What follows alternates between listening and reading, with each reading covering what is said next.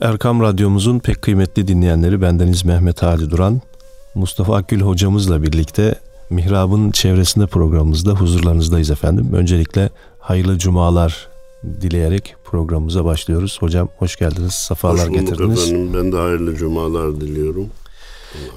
Allah razı olsun. Ee, hocam program öncesinde e, böyle bir konuşurken üç mahalleden bahsettik.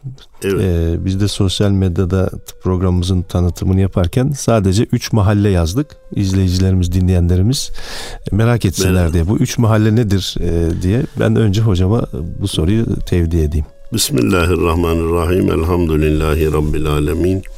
Ve salatu ve selamu ala Resulina Muhammedin ve ala aleyhi ve sahbihi ecma'in.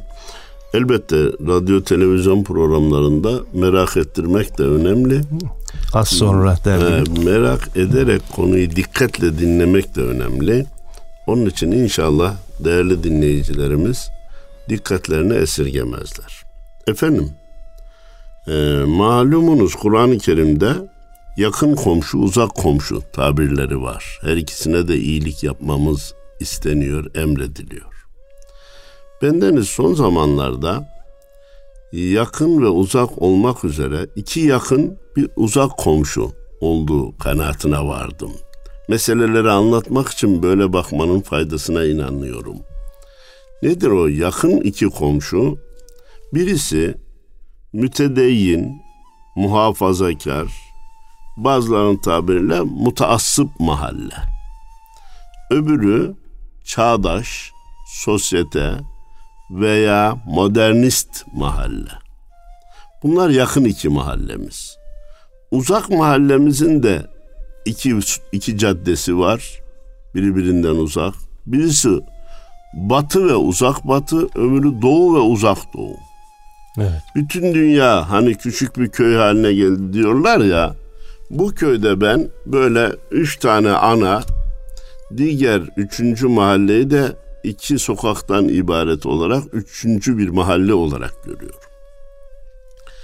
Şimdi bu tespite, bu ayrıma gitmemin asli sebebi de son zamanlarda değerli ilahiyat hocalarımız, bir kısım akademisyenlerimiz daha önceden çok üst seviyede yetkili makamlarda bulunan bazı hocalarımız ne zaman ellerine kalemi alsalar birinci mahalleyi dindar, muhafazakar, mutaassıp olarak görülen mahalleyi dövmeye bir adet, örf, moda haline getirdiler.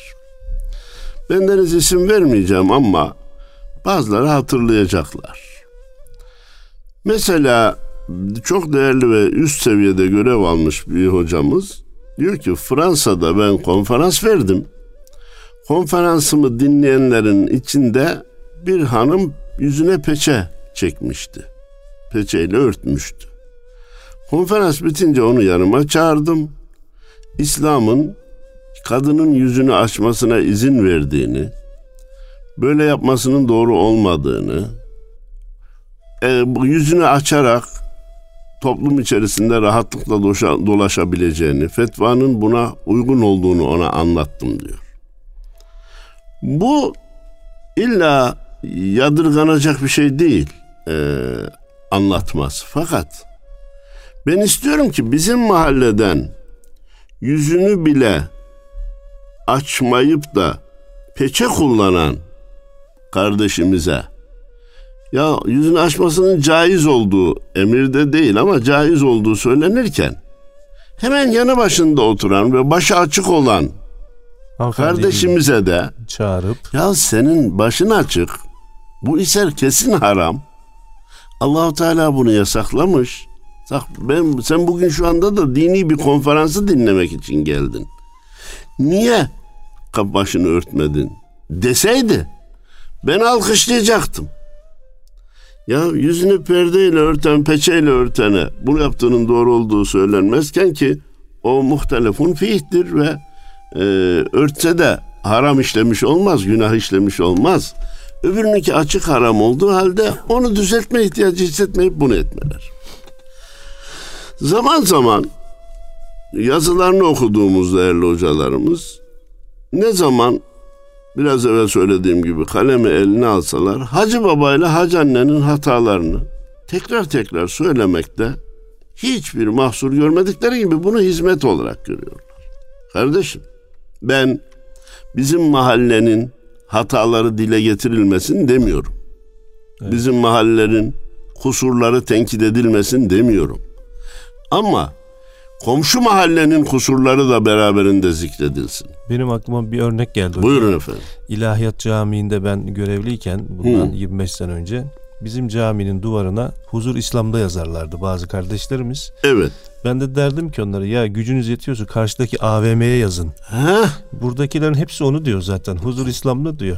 Evet. Onların da gücü bizim İlahiyat Camii'nin duvarına yetiyordu. Evet. Aynı bu örnek gibi değil mi hocam? Bunun gibi. Ve hemen bakın her Ramazan'ın başında türbe ziyaretleri abartıla abartıla gelir. Ya bu bid'attır, hurafet. Güzel kardeşim söylensin. Ama niye hemen beraberinde bazılarının da bazı kardeşlerimizin de anıt kabiri normal ziyaret etmeleri mümkün iken varınca sanki o canlıymış gibi oraya şikayette bulunmaları, oradan bir şey beklemeleri, efendim imdadımıza yetiş efendim biz zor durumdayız filan gibi taleplerinde bulunmalarının dinen doğru olmadığını bunun da bir kabir ziyareti olarak hatta fatihalar okunarak yapılması gerektiğini niye hemen söylemezler? Evet. Efendim dönüp geliyorum. Deniliyor ki bizim mahalle pek temizliğe riayet etmiyor. Geçen bir hocamı televizyonda sonuna kadar dinledim. Diyor ki Efendimiz Peygamberimiz Aleyhisselatü Vesselam En nezafetu minel iman En nezafetu şatrul iman Nezafet imandandır. Nezafet, temizlik imanın yarısıdır. Dediği halde temizlikteki notumuz pek iyi değil diyor. Bendeniz düşündüm inan. Ha iyi mi?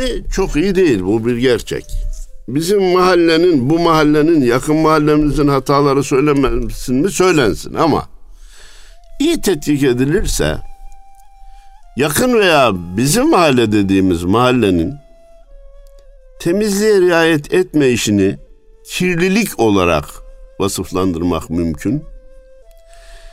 Diğer ve bilhassa bize örnek gösterilen Avrupa, Amerika gibi uzak doğunun temizliğini pislik olarak görebiliyor. Ve neye benziyor? Kirlilikle e, e, pisliğin farkı. Kirlilik eli yüzü toz toprak. Ama necaset diye kabul edilecek şeylerden uzak. Dinleyicilerimiz bağışlasınlar. Eli yüzü toz toprak ama tuvalette suyla taharetlenir büyük ve küçük abdestten kendisinde hiçbir şey bırakmaz. Avrupalı dışarıdan baktığınızda temiz görünür ama tuvalette, taharette su kullanmaz. Bir kısım evet. pisliği üzerinde taşır. Avrupalı mutfağına girersin aman hijyenik olsun diye, mikrop olmasın diye etrafı e, klorladığını veya bir kısım kimyevi maddelerle dezenfekte ettiğini görürsün. Aynı Avrupalı evinde beslediği köpeği ağzından öper. Ya nerede kaldı hijyenik şartlar? Sureta temiz görünüyorsun. O köpeği de bazen götürüp yıkıyorsun. Şey yapıyorsun. Ama bir de ağzından öpüyorsun. Bırak ağzını üzerinde bile milyonlarca, milyarlarca mikrop taşıyor o. Efendim, bizim mahallede elini yüzünü abdestten abdeste yıkayan, çok pek sabun veya da e, şampuan kullanmamak, kullanmayan insanların olduğu dile getirilip e bu nasıl Müslümanlık, bu nasıl temizlik? Hani bizim dinimiz temizliğe önem verir, verirdi diyorlar. Komşu mahalle ve bilhassa Avrupa Amerika'da kadınların tırnaklarını uzatıp üzerlerine de oje dediğimiz maddeyi sıvamaları sureta temiz gibi görünüyor bir kirlilik görünmüyor. Ama o tırnakların altındaki mikroplar temizlenmesine imkan ve ihtimal yok. O tırnağı kesmedikçe o tırnağın altını mikroptan arındıramazsın. Ondan sonra da o kadının mutfağa girip hamur işi yaparak e, hane halkına, çoluğuna, çocuğuna, eşine onu yedirdiğini düşünsek. Vallahi görünür kirlilikten, tozdan, topraktan çok daha tehlikeli bir iş yapıyor. Bendeniz bir yerde bunu söyleyince dinleyenlerden biri dedi ki hocam ilk hamur işinde temizlenir dedi. Tırnakların altı dedi. Adam hoş bir tespitte bulundu. Nereye gider? O hamura. yaptığı hamura geçer. O mutfakta yemekle meşgul oluyor. Şimdi denilip bizim mahalle için deniliyor ki efendim dürüst değil. Müslümanız ama namazımızı kılıyoruz ama ya dürüstlük notumuz iyiydi. Fakat ben özür dileyerek bir adım geri atarak kirlilikle pislik arasındaki farka dinleyicilerimizin dikkatini çekmek istiyorum. Bakın toz toprak kirlidir. Bakarsın beş vakit namazındaki adamın arabasına binersin her taraf çamur kirli ve ya bu nasıl temizlik filan dersin. Avrupalının Amerikalının temizliğini ben rakı şişesinin temizliğine benzetiyorum. Dışarıdan baksanız çok temiz yani. Kiri yok, pası yok efendim. Tozu yok, toprağı yok. Cam gibi işte camdan yap. Ama içi pis. İçi pis onun. Kirliliğin ötesinde bir pislik, murdarlık var. Haramli aynihi değil mi? Haramli aynihi Allah razı Efendim Avrupalı şöyle temiz Avrupalı böyle. Ben ne zaman abartılsa ben rahatsızlık hissederim. Hiç unutmam bir uçak yolculuğunda yanımdaki dostum ben herhalde Avrupa'ya ilk gidiyor zannetti. Dedi ki hocam bu Avrupalıların var ya şehirleri şöyle dursun. Köylerinde bile yerde, caddede, sokakta bir tek ağaç yaprağı göremezsin, gazel göremezsin dedi. Ben içimden güldüm de bir şey de demedim yani. Beraber Köln'e gidiyorduk. Mevsimde güzüdü. Köln'e indik ki caddeler yapraktan geçilmiyor.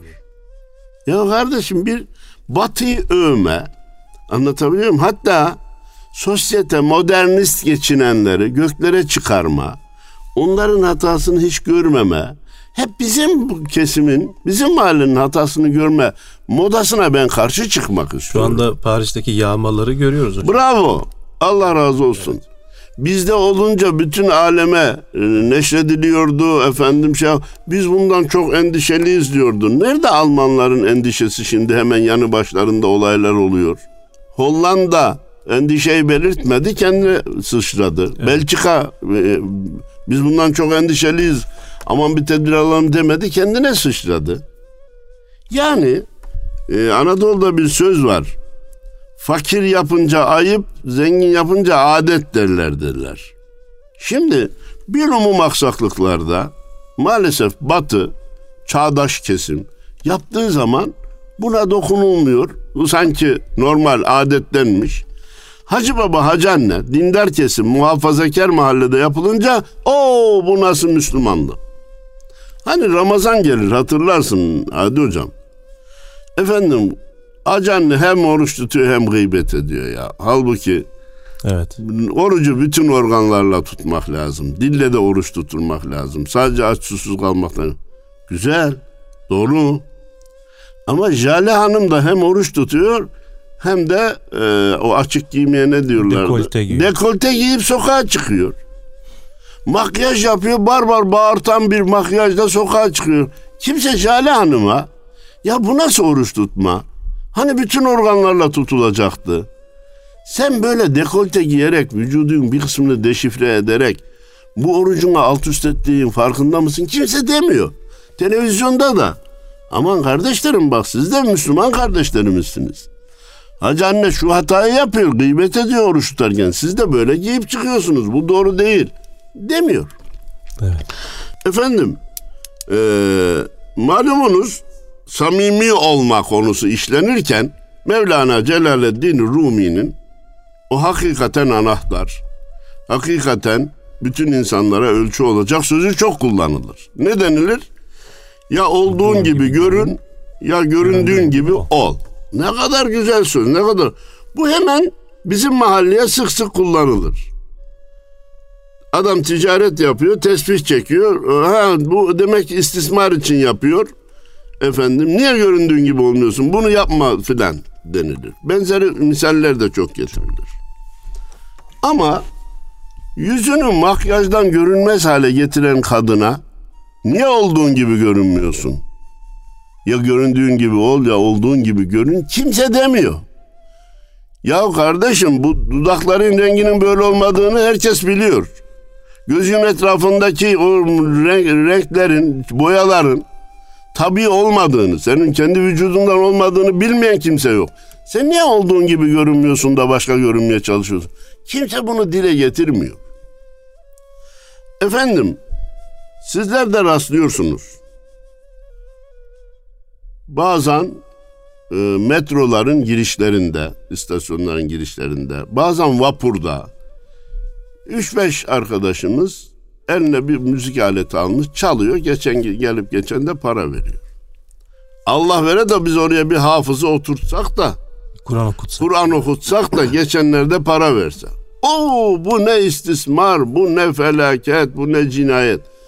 Ben okutalım da orada para toplatalım demiyorum. Ya dindar kesimden bu gelince tenkitler ayyuka çıkıyor da iş batı müziği olunca veya Türk müziği olunca, sanat müziği olunca o zaman sanat olmaya başlıyor. Halbuki aynı dilenci gibi para kabul ediyorlar yani.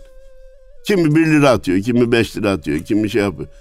Yani bu çifte standardı bir kırmak lazım diyorum. Arkadaş. Hata söylenirken her tarafın hatası beraber söylensin. Vallahi bu dürüstlük meselesi biraz evvel söyledim.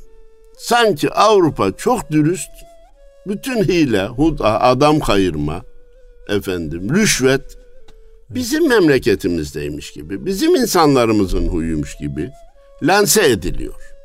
Ben bizde yok demiyorum. Devam etsin de demiyorum.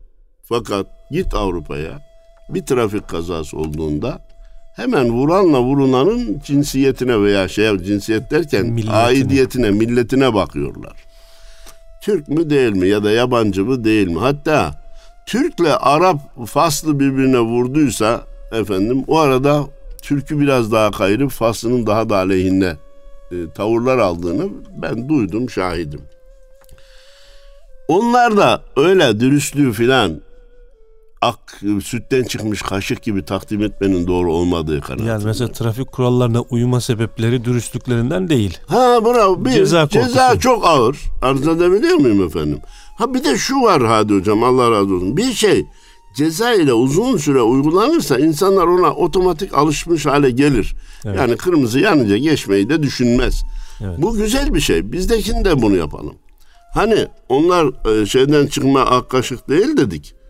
E, söz açılınca dünyanın demokrasi bekçileri haline geliyorlar. Demokrasi, demokrasi, demokrasi.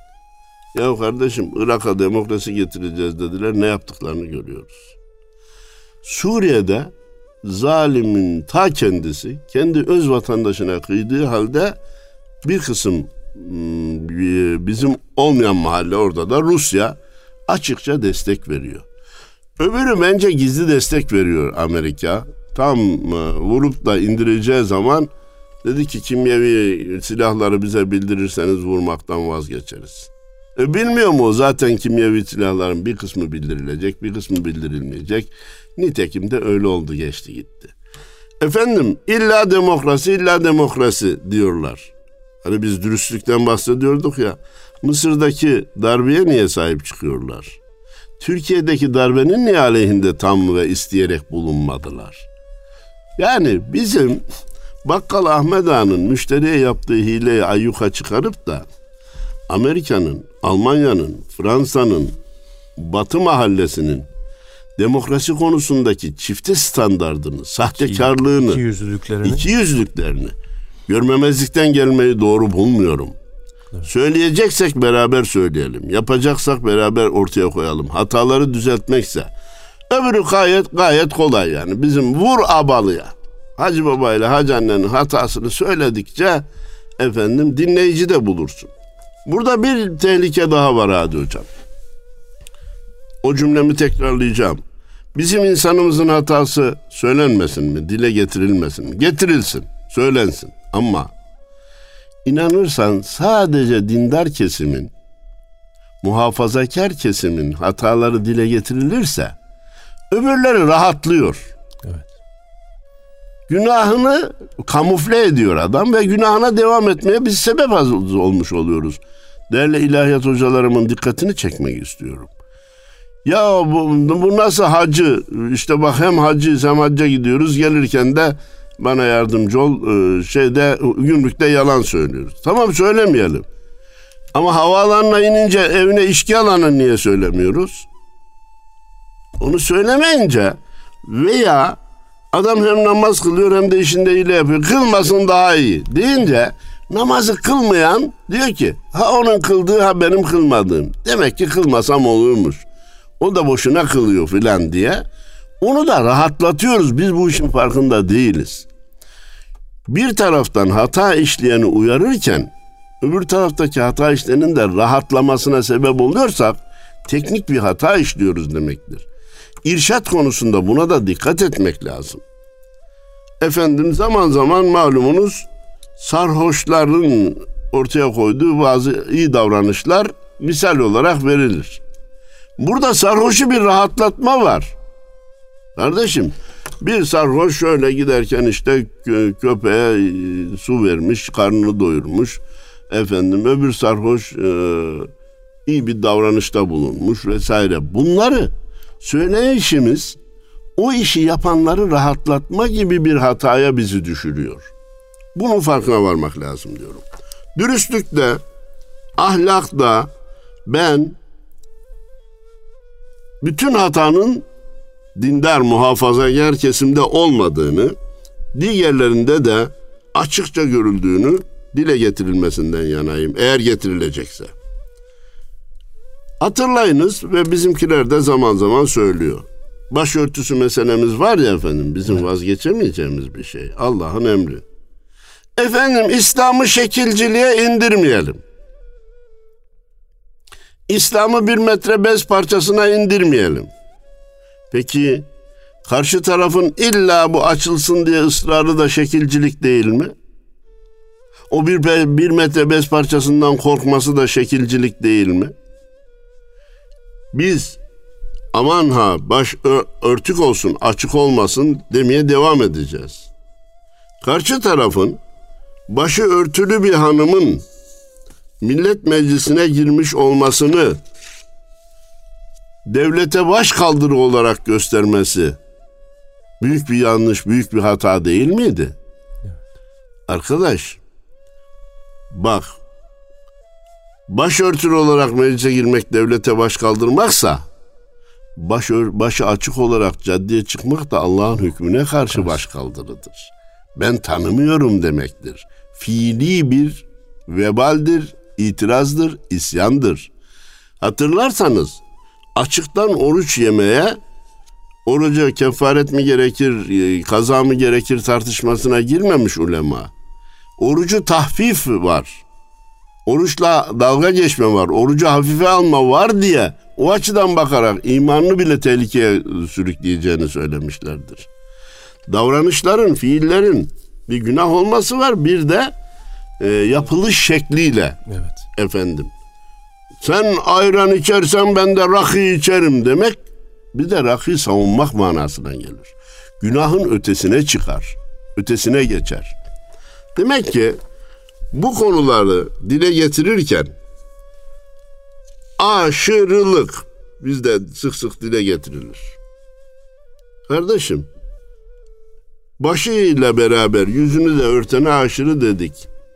Bikiniye yakın kıyafetle caddede dolaşana. Ya sen nasıl Müslümansın ya? Bak adın da Ayşe Fatma. Müslüman annenin babanın çocuğusun. Diye, mikrofon uzatıldığında da ben de Müslümanım diye rahatlıkla söylüyorsun. Çok güzel. Ama bu, bu kızın bu davranış nedir bu? Bu ne teklesen caddeye sokağa nasıl çıkarsın? Kimse mini eteğe dokunmaya cesaret edemiyor. Bizimkilerden diyorum. Evet. Karşı taraf kendini tenkit etsin diye beklediğim yok. Ama aşırılık doğru değildir. Aşırı gideni Allah sevmez. Dinimizde aşırılık yoktur. Kardeşim ahlaksızlıkta aşırılık var. O ne olacak? Biraz evvel temizlik, pislik ve kirliliğin birbirinden farklı olduğunu dikkat çekmek istemiştim. Avrupa, Asya'da, geç uzak doğuda hakikaten kirlilik e, birden görülüyor yani açık görülüyor. Hollanda'ya gidiyorsunuz. Çocuk, genç, adam esrarını gidip eczaneden alıyor. Çok da temiz görünüyor. Hijyenik. Aldı hijyenik ama aldı esrar ve devlet gözetiminde uyuşturucuyu alabiliyor, kullanabiliyor. Kardeşim sen bunun niye büyük bir hata olduğunu dile getirmiyorsun? Bizim vatandaşın e, şey getirdi bakın. Birisi hakikaten ben de uygun bulmam. Bir İslam ülkesinde Müslümanların camide ortak misvak kullandıklarını Evet. dile getirdi. Hakikaten anormal bir şey. Ama Avrupa'ya git, ortak neler kullanılıyor bir bak bakalım. Ortak kullanılan şeyler neler? Son Almanya seferimdeydi. Bir Türk lokantasındayız. Diyarbakırlı bir kardeşimizin lokantasındayız. O dedi ki benim yüzde 99 müşterilerim Almanlar dedi. Türk veya başkaları pek gelmez dedi. Ama bir gün dedi kocasıyla geliyor, bir gün erkek arkadaşıyla geliyor, öbür gün diğer erkek arkadaşıyla geliyor. Buradan kalkınca da diyor aynı yere gidiyorlar diyor. Şimdi sevgili kardeşim, bir tarafta e, Müslümanın bir davranışını, ortak misvak kullanmasını dile getirirken ki getirelim diyor.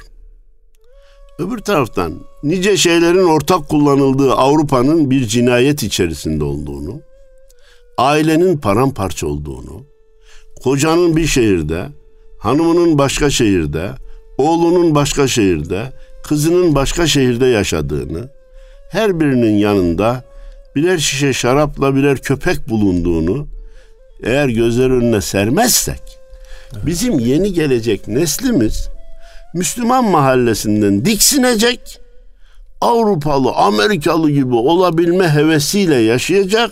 Zaten televizyonlar bunu yeteri Bunun kadar pompalıyor. Pompalıyor. O bizim mahalleyi boşaltmış oluyoruz. Karşı mahallenin çirkinliklerini, hatalarını, cinayetlerini, suçlarını da beraberinde sunmamız lazım. Aksi halde yanlış olur. Efendim son zamanlarda bizim mahalle için kullanılan kutuplaştırma suçlaması var. Çok sert davranılıyor, kutuplaştırılıyor. Ülkenin barışa ihtiyacı var. Kardeşim barışa ihtiyacı varsa, beraber hareket etmeye ihtiyacı varsa, kutuplaşma iyi bir şey değilse, evet bunlar biz de ben de onaylıyorum. Bu tek taraflı mı oluyor? Niçin Ahmet'in kutuplaştırma veya sertlik konusundaki sözleri örnek olarak veriliyor da diğer komşu mahalledeki bir vatandaşın isim verecek halimiz yok efendim çok ağır nefret edilecek nefret dağıtan kabulü mümkün olmayan sözleri söylemesi dur bakalım ya sen de kutuplaştırıyorsun bu nasıl iş niye denilmiyor sebebi şu mütedeyyin mahallenin cim savcısı yok.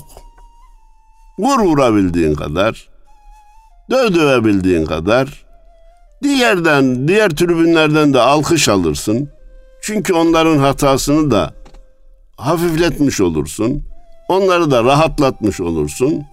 Ama sakın karşı tarafın hatasını dile getirmeye kalkma. Çağdaşlığın aleyhinde olmuş olursun. Modernistliğin aleyhinde olmuş olursun ilericiliğin aleyhinde olmuş olursun. Batının aleyhinde olmuş olursun. Batı batmıştır. Batı bitmiştir. Batı tükenmiştir. Artık teknolojide bile yani bize örnek olacak bir şey kalmadı. Felaketi oynuyor. Evet. Cinayeti oynuyor. Bakın koca koca devletlerin Batı ve Amerika ıı, devlet adamlarının yaptığı işlere baksanız evet. ya böyle c- c- yürekler acısı üzülür ya da kahkahayla gülersiniz. Evet. Çocukça davranışlar efendim. Felaketler. Şimdi neticeten mahallemizin hatalarının dile getirilmesini makul görüyoruz. Fakat eğer sadece dindar e, mahallenin, mütedeyyin insanların hataları dile getirilip de diğerlerinin hataları hiç bahsedilmez, üzerinde durulmaz, dile getirilmezse bir, habire dindarlık taşlanmış olur ve yeni nesil dindar görünmemeyi tercih eder. Çünkü evet. böyle yaptığımı bizi de kınayacaklar. Bakın hemen aklıma geleni arz edeyim. 3-4 yaşındaki çocukların ilahi söylenmesi kın, kınandı değil mi Hadi hocam? Ya da ilkokuldakilerin namaz kılmaları. Namaz kılmaları kınandı. E zamanında tabii. Hatta neredeyse muhtıra, muhtırada adı geçti bu çocukların e, ilahi söylemelerinin. Ama 3-4 yaşındaki çocuklar bale okuluna götürülünce ya kardeşim bu yaşta bir çocuğu niye buna alıştırıyorsunuz? Bunu illa yapılacaksa ileri yaşta yapılır ki e, İslam'ın onaylamadığı bir şey. Bunu bizimkiler söylemiyor. Ben buna üzülüyorum. Bizim camia, bizim akademisyenler, bizim hocalarımız ya 3-4 yaşındaki çocuğun bale alıştırılması nedir kardeşim? Bu çocuk ileride örtmesi gereken yerlerini örtmez, açıklığa alışır. Bu onda huy haline gelir. Demiyoruz. Hep böyle bu bizim kesimin vurun, hataları. Vurun abalıya. Vur abalıya, vur hacı babaya, vur hacı anneye. Bu son devrin e, modası oldu. Ben buna üzüldüğüm için bunu bugün dile getirelim istedim. İnşallah pek e, kulak verirler vermezler bilemiyorum ama duyuracak olan Allah'tır. Bundan sonra yazan çizen hocalarımız, akademisyenlerimiz de ya mütedeyyin kesimde şu hata var ama kardeşim kendisini çağdaş gören, görenler ve gösterenlerde de şöyle şöyle hata var. Onlar da Müslüman, onlar da bizim din kardeşimiz. Onlar niye bunu yapıyor ki? Demeye başlarlar. Onların da hatalarını, kusurlarını dile getirirler ve onlar da inşallah bu ikazları alarak o hatalardan vazgeçsinler. Evet. Bir noktayı tekrar söyleyerek bitirmek istiyorum. Kirlilikle pisliği birbirine karıştırmamak lazım. Hakikaten Asyalı, hakikaten tedeyyin kesim biraz kirli bunu kabul ediyorum. Ama çağdaş, ilerici ve batı olarak kendini tanıtanlar kirliliğin ötesinde pisliğin içindeler. Evet. İçkisiyle, esrarıyla, gayrimeşru hayatıyla, fuhuşuyla efendim ya olanların duyulması bile anormal şeyler yaşanıyor Avrupa'da. Bu da insan hakkı, normal, tercihi, kendi tercihi diyor. Ya bütün dünya bağırması lazım hadi hocam ya. Homoseksüellik meşru ilan edilebilir mi? Erkeğin erkekle evlenmesi cinayetlerin en büyüğü değil mi? Sen benim hacı annenin gıybetini alıp ayyuka çıkarıyorsun. Türkiye'de şu gibi yanlışlıklar var diyorsun. Git Avrupa iki erken birbirleriyle evlenmesini onaylıyor ya. Bundan daha büyük cinayet mi aranır? Daha, bundan daha büyük ahlaksızlık mı aranır? Ülkesini emanet ediyor değil mi? Avrupa'da bir ülkede Bravo. yönetici. Yönetici ve devlet adamlarının eşleri e, kendi aralarında program yaparken bakmışlar ki işlerinde bir erkek var. Evet. Bu niye demişler geldi bu kadar kadının içine? E bu da Sayın Başkan'ın eşi demişler. Evet. Abi bu bu var ya öyle e, cinsel tercihidir, insan hakkıdır vesaire diye görülecek bir şey değil. Evet. Ya bir tarafta yüzüne peçe çeken insan hakkı olarak, tercih olarak bu da onun kıyafet tercihi diye karşılanmazken Öbür taraftan homoseksüelliği bile bir tercih olarak kabul etmeyi ben kabul edilemez bir çifte standart ve habire bizim mahallenin dövülmesinden zevk alınması karşı mahallenin dokunulmazlığını peşinen kabul etmek olarak görüyorum. O tabii biraz bizim içimizdeki beyinsizlerin biraz Ama- özür dilerim şeyi hocam. Ama bunu bunu bunu e, gündeme getirmemiz lazım.